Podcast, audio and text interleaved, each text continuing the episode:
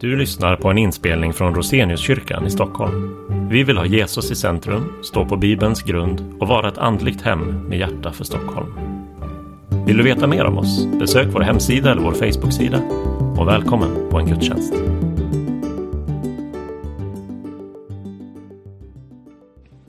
Då står vi upp, upplyfter våra hjärtan till Gud. Det heliga evangeliet enligt Matteus.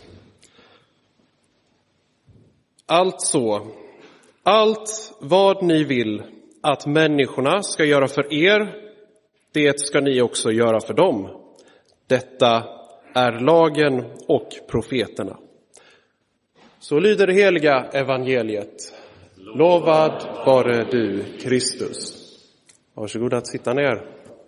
Ganska säker på är kyrkoårets kortaste evangelietext. Men då kan man ta en lång predikan istället. Det är ingen som beklagar sig över det. Om man ska predika över ett så här välkänt tema, så ta, till exempel om man ska prata om bön, då är det inte så många som blir förvånade över det. Det är ingen som, ingen som är kristen och blir förvånad om man så här, lyssnar på en predikan om bön och så kommer man på så här, wow, jag borde be kanske. Det är ingen, alla vet det redan. Och på samma sätt så är det, det är ingen som är förvånad när man hör den här evangelietexten när Jesus säger det vi kallar för den gyllene regeln. Alla har hört den. Alla tycker att det är en generellt sett bra regel. Så eh, på ett sätt så är jag i en liten lurig situation där man förväntas då lägga ut den här texten. Men jag har ändå eh, jag har två punkter och en tillämpning, så jag tror att vi, vi kan reda ut detta. Vi ska bara titta på två saker då. Vi ska titta på varför gyllene regeln är bra och varför gyllene regeln är dålig. Det är mina två punkter idag. Så vi börjar med varför den är bra. En inte helt ovanlig fråga bland kristna det är ju, man ställer frågan, hur ska jag låta min kristna tro få konsekvenser? Hur ska jag leva ut min kristna tro? Och detta eh, har många gått runt och funderat på. Hur ska jag konsekvent och praktiskt leva ut den här tron som jag har? Och det har lett till en massa onödigheter, att man försöker sig på en massa extra andliga saker, extra avskilt för Gud, extra helighet, extra mycket helig ande, extra mycket bibelkunskap. Gott och så i sig. Men när Jesus säger hur vi ska leva, hur vi faktiskt ska leva, så ger han oss den här versen som vi kallar den gyllene regeln. Så istället för att leta efter praktiskt genomförbara saker och aktiviteter i det kristna liv, så ska vi istället lyssna på vad Jesus säger. För om vi lyfter fram den gyllene regeln som verkligen regeln med stora bokstäver i vårt liv, så kommer vi finna att vi aldrig någonsin är sysslolösa. Det finns en berättelse om den judiska rabbinen Hillel som levde på 100-talet före Kristi födelse. Han hade väldigt stor påverkan på det judiska fromhetslivet under tiden då Jesus levde och var verksam. Och han fick eh, frågan en gång av en eh, hedning, alltså en icke-jude, som sa så här att jag, jag kommer konvertera och bli jude om du, rabbi Hillel, kan ställa dig på ett ben och recitera hela Torah, alltså hela den judiska lagen. Och eh, poängen var då att eh, den här hedningen försökte visa att den judiska lagen är för stor och för omfattande för att någon möjligtvis skulle kunna leva ut den, ens recitera den. Men Rabbi Hillel, han ställde sig på ett ben och sa, enligt berättelsen, alltså jag har ingen aning om det här är sant, men han ställde sig tydligen på ett ben och så sa han så här, det som du hatar ska du inte göra mot någon annan, detta är hela lagen, resten är kommentarer, gå och lär den. Och sen satte han ner foten. Om hedningen konverterade förtäljer inte berättelsen. Men vi kan konstatera utifrån den, den här sägnen, berättelsen, att Jesus är inte uppfinnaren av den gyllene regeln. Judendomen hade i allra högsta grad detta i sig. Och om du söker på nätet så kommer du finna att väldigt många andra religioner också använder olika varianter, olika ordalydelser av den här gyllene regeln. Så egentligen så är det inget unikt kristet med den gyllene regeln. Den är också i allra högsta grad en allmänmänsklig princip. För vi människor, vi har något som heter ett samvete. Det finns en psykologisk process i vårt väsen som gör det möjligt för oss att sätta oss in i andra människors situation, att uppleva deras smärta och på så vis agera i enlighet med vad vårt samvete säger att vi ska göra i den situationen. Och som kristna så förstår vi det, till exempel psalm 19 i Saltaren, Romarbrevet första kapitel. Vi förstår att Gud är den som har gett oss det här samvetet. Gud har gett oss en naturlag, en naturrätt som, är, som inte är beroende av att han har uppenbarat det i bibelordet, utan det här finns inbyggt i människan. Gud har placerat vissa etiska förhållningssätt i världen genom vårt samvete och detta har såklart då präglat många olika religioner och många olika filosofier och läror. Det som är ganska intressant dock, det är att förekomsten av gyllene regeln före Jesus uttrycks på ungefär samma sätt som Rabbi Hillel gjorde, nämligen att den är negativt uttryck. Det handlar alltså om vad du inte ska göra. Men när Jesus framställer den här gyllene regeln så är han den första som säger det på ett positivt sätt. Han säger alltså vad du ska göra. Och skillnaden kanske inte verkar så stor vid första anblicken, men låt mig läsa ett citat som en av mina favoritteologer, Don Carson, skriver i sin kommentar till den här texten. Och det är slarvigt och hastigt översatt från engelskan här. Men han skriver, skillnaden är djupgående mellan den positiva och negativa framställningen av gyllene regeln. Den negativa lär dig beteenden av den här sorten. Om du inte vill bli bestulen, skäl inte. Om du inte tycker om att vara hatad, hata inte. Om du inte vill bli slagen, slåss inte. Men den positiva framställningen, alltså den som Jesus gör, den lär oss saker som om du tycker om att vara älskad, älska andra. Om du tycker om att ta emot saker, ge till andra. Om du tycker om att vara uppskattad, uppskatta andra. Den positiva är alltså mycket mer djupgående än den negativa. Där, där finns det då ingen möjlighet att fly in i en värld där vi inte råkar förolämpa någon, men där vi inte heller kan ge någon en komplimang. Slutcitat. Så vad tycker du verkligen om att få gjort mot dig? Vad vill du verkligen ha? Och sen gå och gör det mot andra. Det är gyllene regeln. Så för det första, gyllene regeln är bra för att vi kommer ihåg den. Jesus är en otrolig lärare som kan sammanfatta ett helt etiskt system i en enkel mening som vi alltid kan bära med oss. Den är så kortfattad att vi kan dra den till minnes oavsett vilken situation vi än möter. Och för det andra, och som är ännu bättre, genom att ge oss en sån här sammanfattning Genom att ge oss en sån här sammanfattning så ger oss, ge, ge, Jesus ger oss en väldigt flexibel regel att leva efter. Vi behöver inte ha ett särskilt bibelord som talar till varje specifik situation vi stöter på. Inte tusen olika kanske som beskriver hur vi ska bete oss. Så gyllene regeln är flexibel. Och för det tredje, den är bra för att den utgår från oss själva. Den eh, kanadensiske psykologen Jordan B. Peterson, han skriver i sin bok, som på svenska heter 12 livsregler, då har han, en av de här reglerna är behandla dig själv som en person du är ansvarig för att hjälpa. Det är ett väldigt bra perspektiv. Han skriver inte om gyllene regeln, men den gyllene regeln kräver att du tar dig själv på allvar.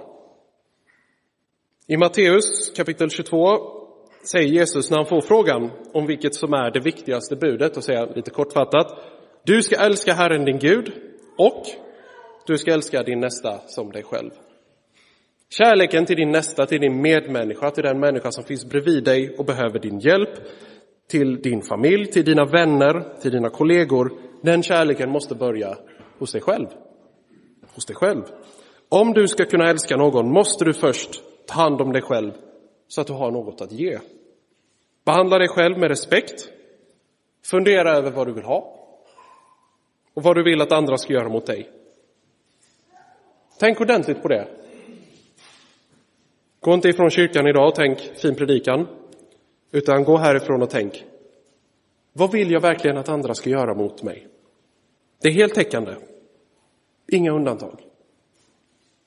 I förberedelserna för detta så läste jag en predikan av Martin Luther när han predikade över den här versen och ett stycke var så bra så jag ska läsa det i sin helhet. Är du en vanlig hantverkare så finner du Bibeln lagd i din verkstad, i din hand och i ditt hjärta. Den lär dig och predikar för dig hur du ska handla mot din medmänniska. Titta bara på dina verktyg, din nål och din fingerborg, ditt ölfat och verktyg, din våg, dina längd och rymdmått, så kan du se detta bibelspråk skrivet på dem alla. De ropar allt sammans oupphörligt i dina öron. Käre vän, använd mig så till din medmänniskas tjänst på det sätt du vill att din medmänniska med sina ägodelar ska handla mot dig. Slutcitat. Så den här första punkten då, den sammanfattar vi så här. Gyllene regeln är bra, för den är lätt att komma ihåg. Den är flexibel och den utgår från oss själva. Det är så vi lever ut vår kristna tro. Det var då varför gyllene regeln är bra. Låt oss ändra perspektiv och fundera lite på varför gyllene regeln är dålig. Och med det menar jag inte att gyllene regeln i sig är dålig, utan varför det är dåligt för oss att gyllene regeln finns. Detta bud är givet av Gud. Det sammanfattar lagen och profeterna, vilket är Jesus sätt att säga hela gamla testamentet, alltså hela bibeln vid den tid som Jesus levde. Det tycks visa att Gud håller efter detta bud på ett särskilt sätt. Det som det också visar är, Gud bryr sig om hur vi lever. Ett sekulärt eller humanistiskt sätt att leva som har präglat jättemycket av vårt samhälle och även hur svensk lagstiftning har börjat utformas. Det är principen så här. Gör vad du vill så länge du inte skadar andra. För det första så är det inte en dum regel. Det finns betydligt sämre regler. Eh, sköt dig själv och skit i andra är en ganska dålig regel. Men på samma gång, du får göra vad du vill så länge du inte skadar andra. Den är lite för lågt ställd. Och ännu viktigare, den går inte att leva efter. Bara några exempel. Är självskadebeteenden bra? Det skadar ju inte någon annan. Är en skilsmässa bra? Parterna kanske lider oerhört tillsammans. Det kan ju skada om de skiljer sig, det kan skada om de stannar ihop. Om jag ser någon bli misshandlad, ska jag verkligen ringa polisen? För polisen kanske skadar gärningsmannen när de griper honom. Ja, jag tog ganska extrema exempel där på slutet, men jag tror ni förstår poängen. Gör vad du vill så länge du inte skadar någon annan. Det är inte en moralisk princip som går att leva efter. För den ger oss ingen ledning. Den hjälper oss inte att ta beslut i olika situationer och du vet ju inte ens om du skadar någon med det du gör. Men vi kan ställa det ännu mer kortfattat. Finns det någon någonstans som gör något som du tycker är fel? Svaret är ja, det är klart du gör. Det finns någon någonstans som gör något du tycker är fel. Även om de gör något som inte direkt skadar någon annan så finns det saker som är fel. Och så här gör vi varje dag. Vi är snabba med att påpeka när människor gör fel, beter sig fel, säger fel. Jag gör det varje förmiddag. Jag är jättesnabb med att etablera regler för olika saker. Senast i veckan, jag läser inte så mycket nyheter, men ibland händer det. Och jag läste en snyfthistoria i lokaltidningen hemma och kom på mig själv med att tänka, du har bara dig själv att skylla, det är inte ens synd om dig. Och jag tror att du gör likadant. Du är väldigt snabb med att etablera regler. Att bedöma hur människor beter sig. Att peka ut människor som ohederliga eller syndiga. Men den synd som gömmer sig i ditt eget hjärta är du förmodligen lika duktig som jag på att undvika. Den enda vi faktiskt skulle kunna göra något åt. Den gyllene regeln, det är en regel. Det är ett bud från Gud. Budet som sammanfattar alla bud. En kort och enkel definition av vad Gud kräver av oss, av vad Gud kräver av alla människor. Och jag vill påstå att det här budet visar oss varför det blir så mycket konflikt i världen. Det är för att vi tänker, jag vill, behandlad, jag vill bli behandlad så som jag vill, men jag vill hellre behandla andra så som de har behandlat mig. Och det är att smutsa ner den gyllene regeln. Det sitter ingen här inne som inte har hört talas om detta, den här regeln. Det varken sitter eller står någon som använder den på det sätt som Jesus faktiskt har tänkt. Jesus har faktiskt gett oss en lapp att ha i bakfickan, en fusklapp som du kan ta fram när helst du undrar hur du ska bete dig och vad som är klokt att göra. Och varje gång vi tar fram den så får vi reda på vad vi ska göra. Vi får också reda på vad vi borde sluta att göra. För Gud vill träna upp vårt samvete. För när vi tar fram det här budet så använder Gud vårt samvete mot oss. Gud kan kalla oss som vittnen mot oss själva så att vi tvingas ändra vårt beteende. Och när vi begrundar, mediterar, tänker på det här budet så tränar vi oss i vår helgelse, i vår vandring med Jesus, i vår vilja att leva närmare Guds vilja. För enligt Jesus kan vi använda det här budet för att lära oss alla Guds bud. Och om vi försummar detta så kommer Gud att använda gyllene regeln istället mot oss. Gud kommer ställa oss alla till dom en dag. I eh, profeten Obadjas bok i Gamla testamentet så står det så här i vers 15. Herrens dag är nära. Så som du har gjort ska det göras mot dig. Dina gärningar ska komma tillbaka över ditt eget huvud. Obadja, en liten bok i Gamla testamentet som dök upp typ två dagar efter, i min, två dagar i min, efter att jag satt och förberedde detta, då i min bibelläsningsplan. Ni måste hålla med mig att den lilla versen låter väldigt bekant. Den låter nästan som Gyllene regeln, eller hur? Fast tvärtom. Som du har handlat mot andra, så ska du själv behandlas. Dina gärningar ska komma över ditt eget huvud, alltså dina gärningar ska drabba dig själv.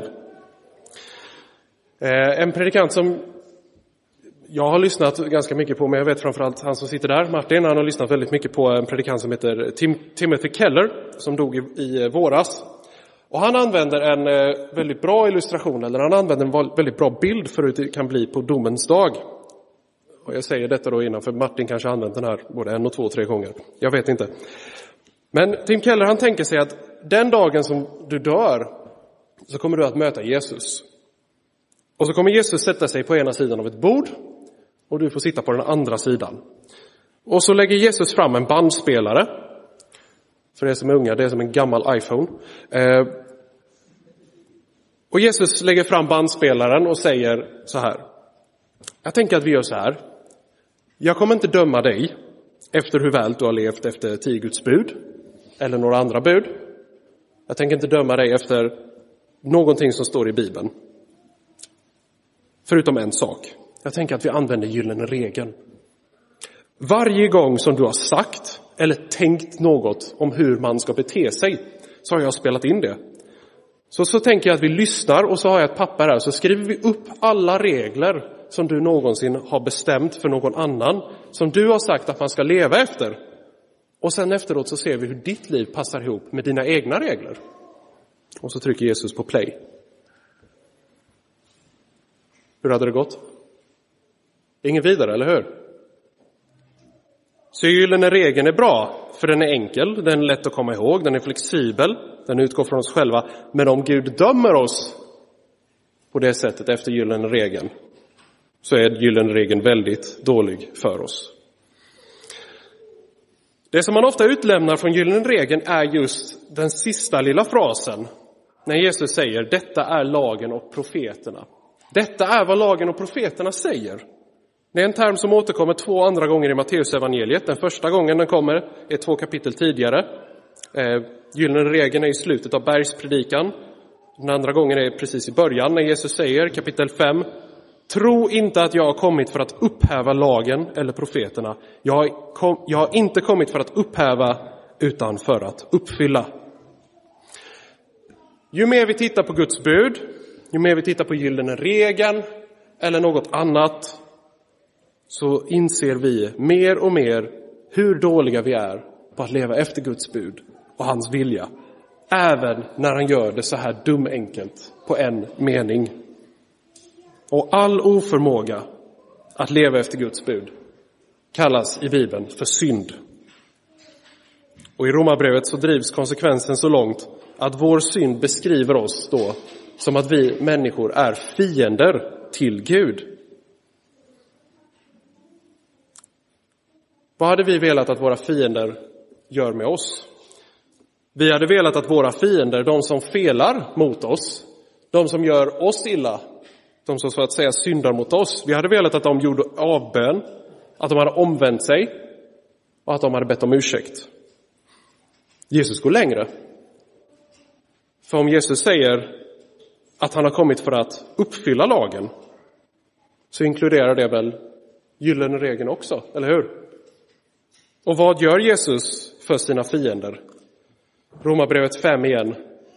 Knappast vill någon dö för en rättfärdig, kanske går någon i döden för en som är god. Men Gud bevisar sin kärlek till oss genom att Kristus dog för oss medan vi ännu var syndare.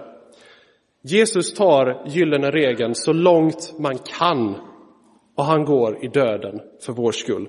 För att vi skulle kunna bli frikända på den här domens dag som vi aldrig kunde klara av själva. Och när vi tror på Jesus, när vi bekänner honom, så är Jesus inte framför allt ett moraliskt föredöme. Han är vår frälsare. Han är vår räddare som räddar oss från synden som vi har skaffat oss själva. Men han är också vårt moraliska föredöme. Nu har vi tittat på varför gyllene regeln är bra och vi har tittat på varför den är dålig. Och låt oss nu sammanfatta med lite tillämpning. Så helt enkelt, hur ska du nu leva ut den gyllene regeln? Första punkten. Börja med dig själv. Börja med dig själv. Du behöver ha gyllene regeln nära till hands för att träna upp ditt samvete så att den blir en ryggmärgsreflex. Du behöver också ta dig själv på allvar och fundera på vad du vill. Se inåt men inse att det här kommer bli utmanande. Vill jag bli tagen på allvar? Vill jag att folk lyssnar på det jag har att säga? Vill jag bli bjuden på middag?